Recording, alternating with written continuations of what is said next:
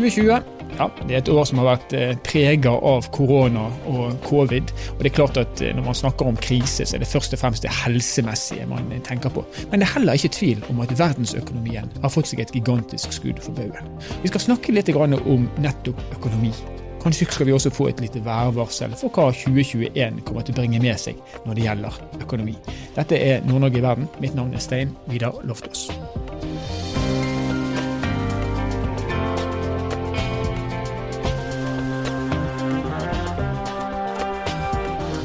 Når jeg lurer på noe som helst som har med makroøkonomi å gjøre, så bruker jeg bestandig å lete opp hva sjefsøkonom Harald Magnus Andreassen i Sparebank1 Markets har sagt eller har å si om saken. Han har stort sett svar på det meste. Nå er vi så heldige at vi har han med oss på telefon fra Oslo. Velkommen, Harald Magnus. Takk skal du ha. Det var jo en fantastisk sjenerøs introduksjon. Du har lagt lista passe høyt her, skjønner jeg. Den er helt fortjent, ikke følg presset. Du er 2020 det har jo vært et eh, ekstremår, også når man snakker om økonomi. Hvor galt er det egentlig fått? Ja, altså, vi har jo hatt den bratteste nedturen i verdenshistorien på uh, to-tre uker noensinne. Fra midten av mars til uh, starten på april så var det nedgang i uh, produksjonen i mange land. Industriproduksjon og tjenesteproduksjon på 10-20 og noen tilfeller litt mer enn det også. Og det skjedde altså da i løpet av egentlig tre uker. Kina hadde vært gjennom det samme da i uh, slutten av januar, begynnelsen på februar. Men resten av verden, altså særlig da de rike land, som vi følger mest med på, uh, det viktigste for å kalle den globale økonomien enn, enn så lenge, så var det altså en, et loddrett fall som vi aldri før har sett. Selv ikke i krigstid så har vi sett noe lignende på globalt nivå. Og så var det samtidig den korteste nedturen i verden, for den varte bare to-tre uker. Og deretter så har produksjonen gradvis kommet tilbake. Eh, og i alt som har med varer å gjøre, altså vareproduksjon, vareforbruk, varetransport, så er nå aktiviteten høyere enn før korona. Så vi ligger under en måte, normalt aktivitetsnivå litt, men i de fleste rike land så ligger vareforbruket til dels langt over der det kom fra i februar. Og Det viser altså at på de områdene hvor folk har fått anledning til å bruke penger, fått lov til å gå og handle i butikkene, turt gå og handle i butikkene, så har aktiviteten kommet veldig bra tilbake. Samtidig så henger det igjen da i tjenestesektoren. Og der er det sånn varierende, men, og da mener jeg altså hotellene, flyselskapene, restaurantene, mm. eh, annen persontransport. Ja, ta med kultur, teatre, kino, eh, konserter, fotball. Hvis du tar det sammen, så ligger aktiviteten fortsatt en 20-30% opp til 40% lavere. Og noen tilfeller enda mer enn det også. Mange hoteller er jo stengt rundt om i Europa. Så ligger altså aktiviteten fortsatt langt under et normalt nivå. Så verden samlet ligger nå ca. 3% under der den kom fra i, uh, ved slutten av fjoråret. Tjenester ligger langt under, mens varer ligger litt over. Så vi har aldri før sett noe lignende. Men, men hvis du ser på verden, da, for arbeidsledigheten er vel høyere, altså Norge har klart seg rimelig godt, men arbeidsledigheten i verden er jo høyere. Mange har mista kjøpekraft. Hvordan kan det da ha seg at man, altså vareproduksjonen er høyere? enn det har normalt sett ville vært? Fordi at folk har ikke mista så mye kjøpekraft i mange land. Fordi at myndighetene har overført store pengebeløp til husholdningene. Det har vi ikke gjort så mye i Norge, faktisk. I Norge så er kjøpekraften litt ned. Mm. Men i USA er kjøpekraften for husholdningene samlet sett ekstremt høy. Fordi staten har overført penger, skrevet sjekker, hilsen Donald Trump, 1200 dollar til hver innbygger, og mange andre ordninger som har gjort at husholdningene har hatt en kjempesterk økonomi, økt sparing, de har spart penger som aldri før. Og de er klare til å bruke penger nå på nye områder etter hvert som økonomien etter hvert da, nå vil åpnes opp. Det er klart at Ledigheten var jo høy i Norge, var på 15 mm. Eh, nå er den da kommet ned på sekstallet, og den kom fra 3,5 Eh, I USA så er ledigheten nede på sekstallet, og den kom fra fire. Så det er ikke sånn nå at det er en massiv arbeidsledighet rundt omkring i verden.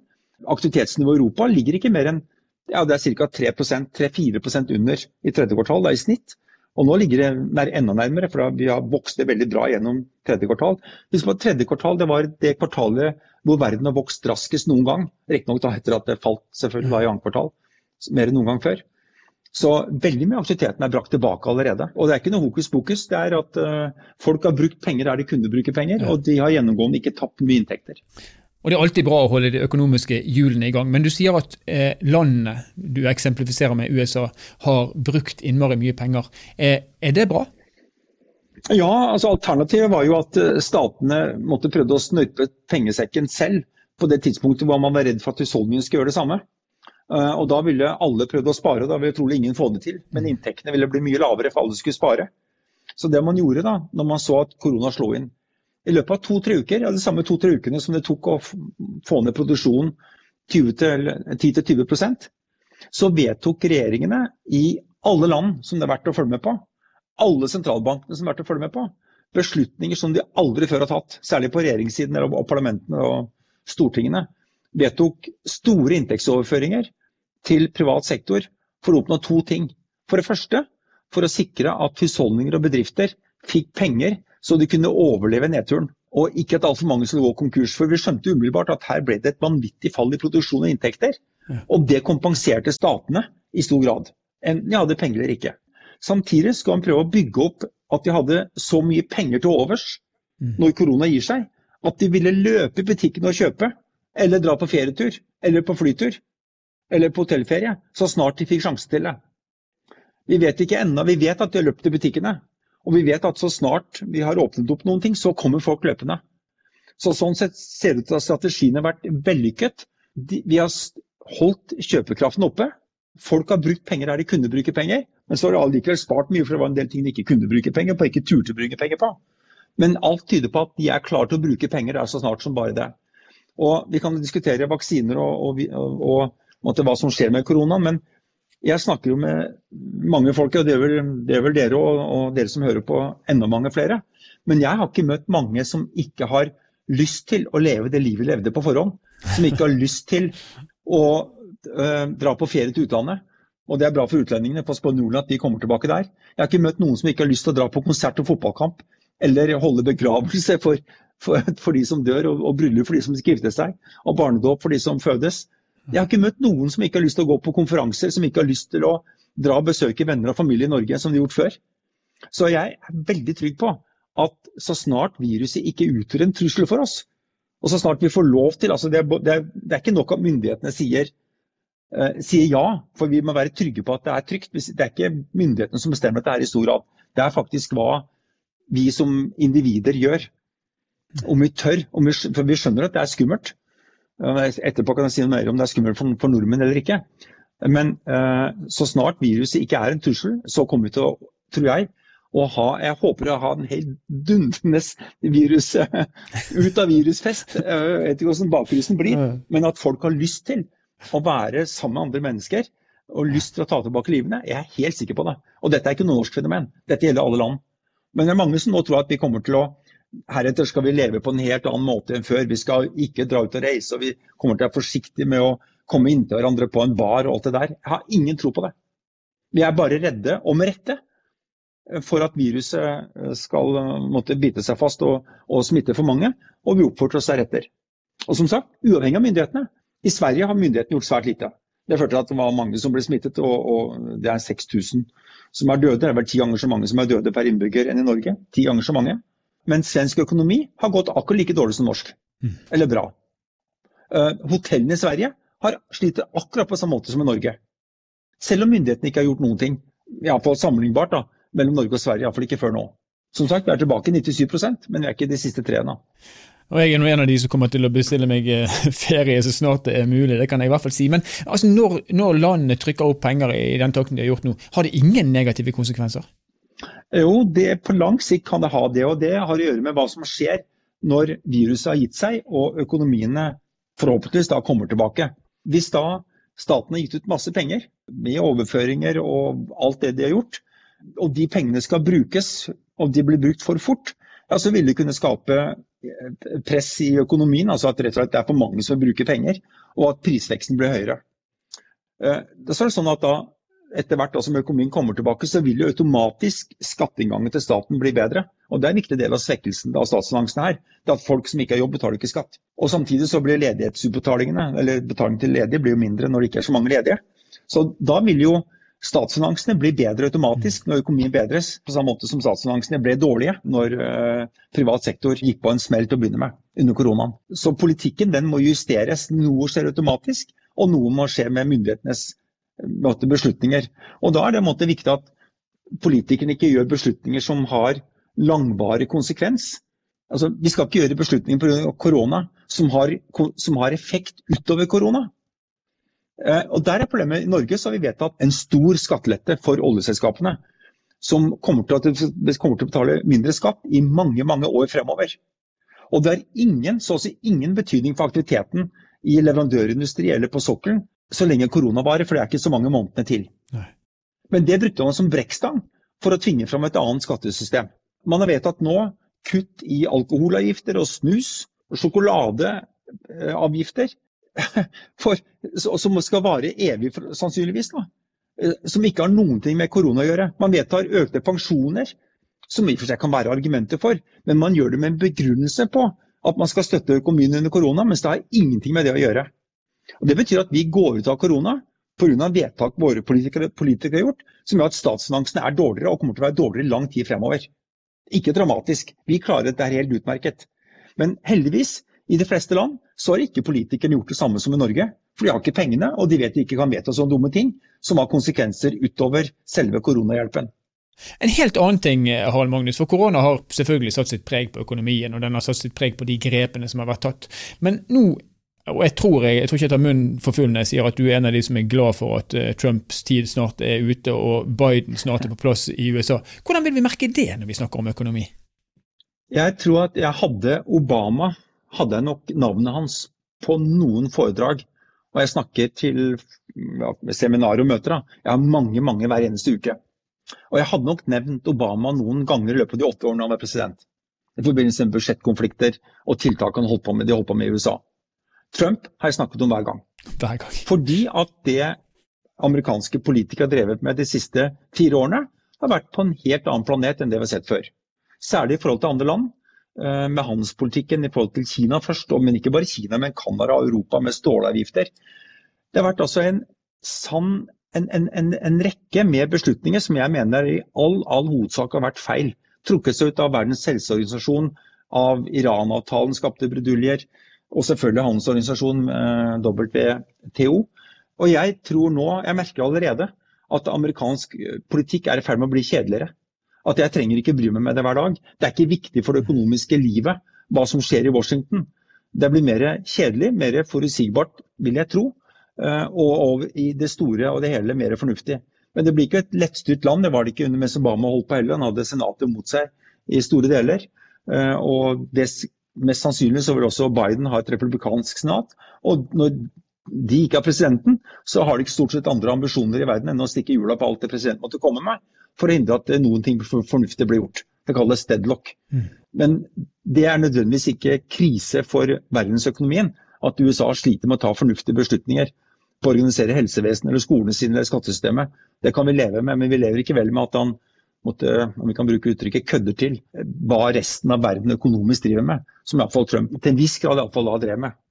Så jeg tror det er eh, bra at eh, det blir et skifte av lederskap i USA.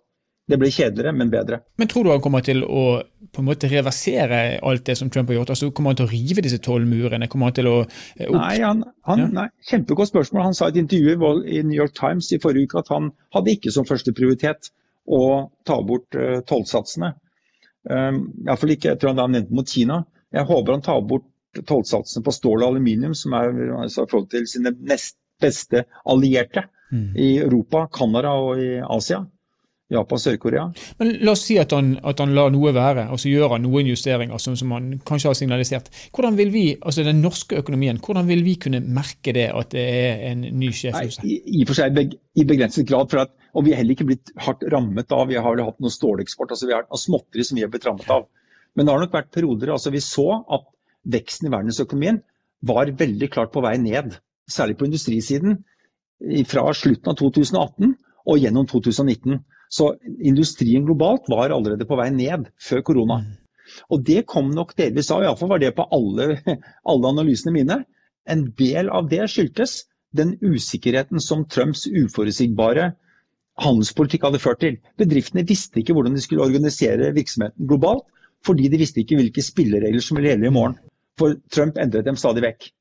Og jeg tror at nå vil amerikanerne besinne seg. Jeg håper at det går tilbake på mange av tolløkningene, for det er, helt meningsløse. Det har ikke den effekten som Trump tror det har. Han, Trump har, etter min vurdering, ettersom du spilte opp til det, etter min vurdering har ingen forståelse av, av samfunnsøkonomi.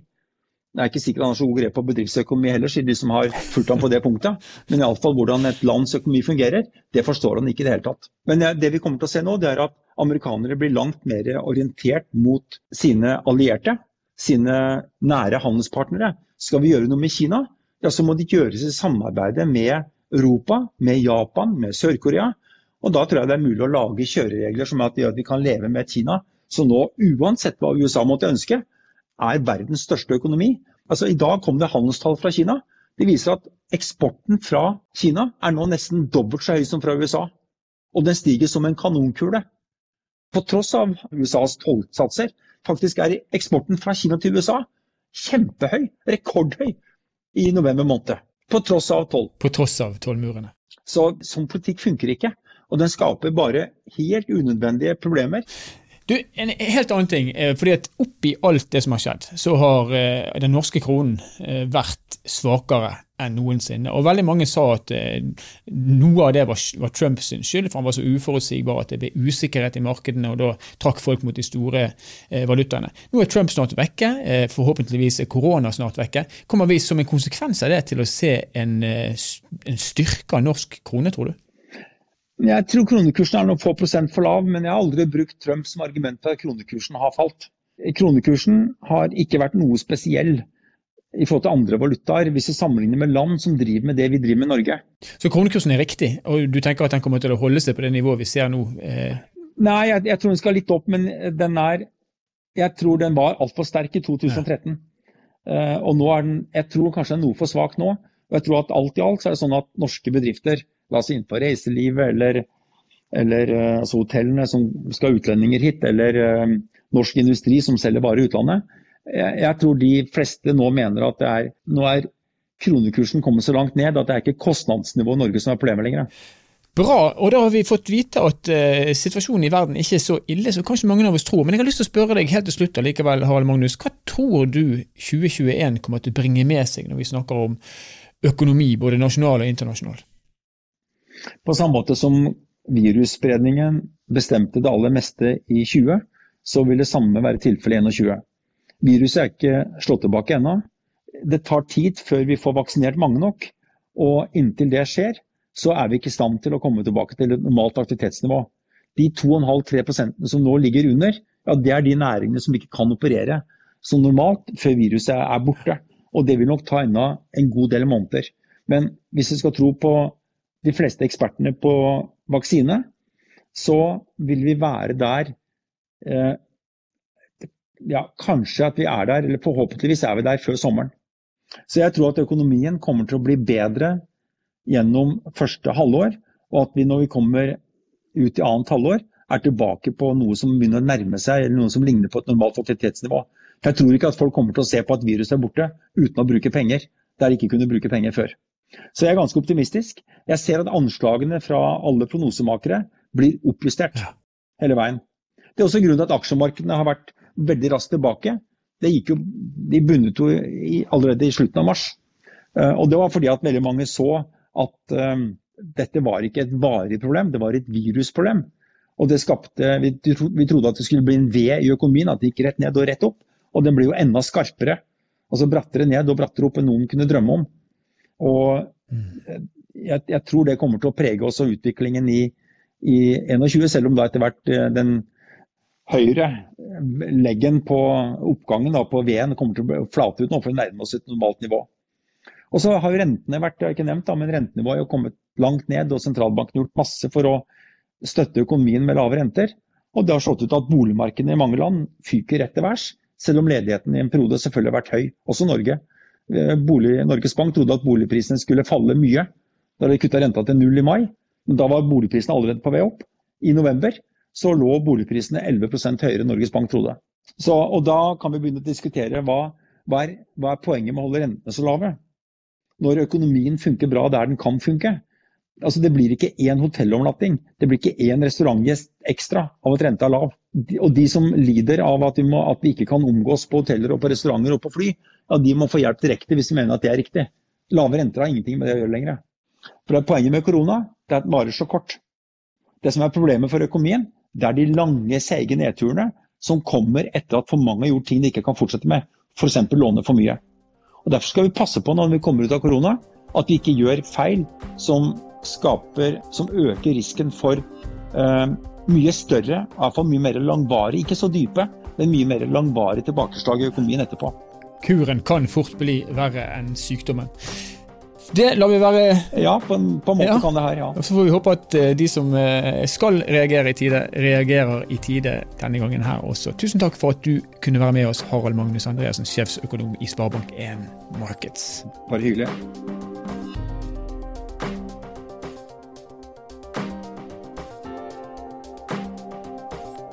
Så hørte vi altså Harald Magnus eh, Andreassen beskrive en økonomisk situasjon som eh, ja, i hvert fall for meg var langt mer positiv enn det jeg kanskje egentlig på forhånd hadde regna med. Og så er vi på ingen måte ute av den økonomiske krisen, og vi vet det at eh, hvis ikke vi klarer å slå ned viruset ganske fort, så kommer kostnadene til å fortsette å rulle, både for Norge og for verden. Fint er det i hvert fall å registrere at alle land i verden, som Harald Magnus sa, reagerte samtidig. De reagerte likt, og de reagerte med et middel som da helt åpenbart viste seg å fungere. 3 bak eh, der vi skulle være, det er ikke spesielt mye. Og er vi på plass igjen med vaksinen ganske fort, så henter vi oss nok inn igjen og er tilbake på normalt stadie. Og så får vi se da om konsekvensen av at Donald Trump er ute av Det hvite hus etter 20.1, og Bidens inntreden skaper ytterligere stabilitet også når det gjelder verdensøkonomien. Nord-Norge verden er en podkastserie som er laga av eh, Sparebank1 Nord-Norge i samarbeid med Helt Digital. Musikken du har hørt er laga av Emil Karlsen. Mitt navn er Stein Vidar Loftaas, og vi høres igjen i neste episode.